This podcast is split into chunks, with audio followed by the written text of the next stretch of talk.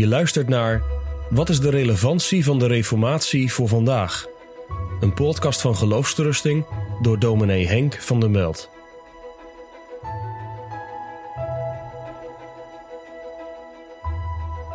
De Reformatie kun je samenvatten met het woord vrijheid. Niet alleen de vrijheid van de christen om voor God te leven, maar ook de vrijheid van de Bijbel, de vrijheid van het woord van God. Dat woord kan zo gemakkelijk ingekapseld raken in menselijke overleveringen en tradities. Ingekapseld in het gezag van de kerk als instituut die heerst over het woord. De Reformatie van Maarten Luther, Ulrich Zwingli, Johannes Calvijn en zoveel anderen was uiteindelijk een bevrijding van het woord van God. Uit de banden van de traditie en van de macht van de kerk. Hoe ging dat dan in zijn werk? Het woord ging open. Nou ja, het woord werd ook wel gelezen in de middeleeuwen. Heel veel mensen hadden in handschriften gedeelten uit de evangeliën en de psalmen. En met de boekdrukkunst was het eerste boek dat gedrukt werd een Bijbel. Het was niet zo dat de Bijbel onbekend was in de late middeleeuwen.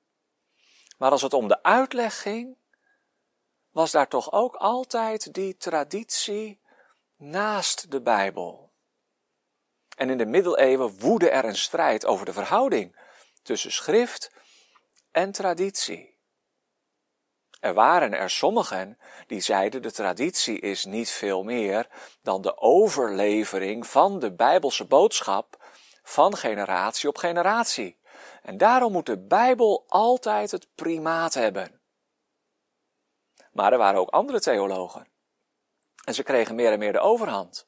Die zagen de traditie als iets naast de Bijbel. Als iets extra's. Ongeschreven regels overleveringen van Jezus en de apostelen die niet op schrift waren gesteld en die toch ook gezag hadden in de kerk. Daar heeft de Reformatie mee gebroken.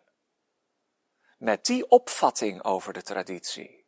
Niet met de traditie als zodanig, als de overlevering van de boodschap van de Bijbel van generatie op generatie.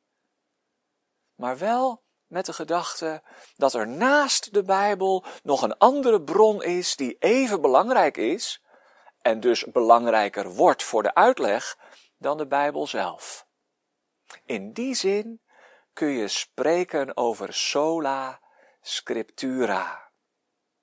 Dat is wel een beetje een kwetsbaar woord en voor misverstand vatbaar. Als je denkt, nou de Bijbel alleen en meer hebben we niet. Dan zou je de hele kerkgeschiedenis kunnen overslaan en gewoon weer opnieuw gaan beginnen met Bijbel lezen. Zo bedoelden de reformatoren het niet. Maar als het erop aankomt, heeft het woord van God het eerste en het laatste woord. Want het mag niet geknecht worden door de traditie en de uitleg van de kerk als instituut. Gebeurt dat wel, dan is reformatie echt onmogelijk reformatie, ook vandaag, kan alleen maar plaatsvinden als de Bijbel open gaat. Als het woord van God levend en krachtig zijn werk doet in deze wereld en in de kerk van Christus. De reformatie was een bevrijding van het woord van God.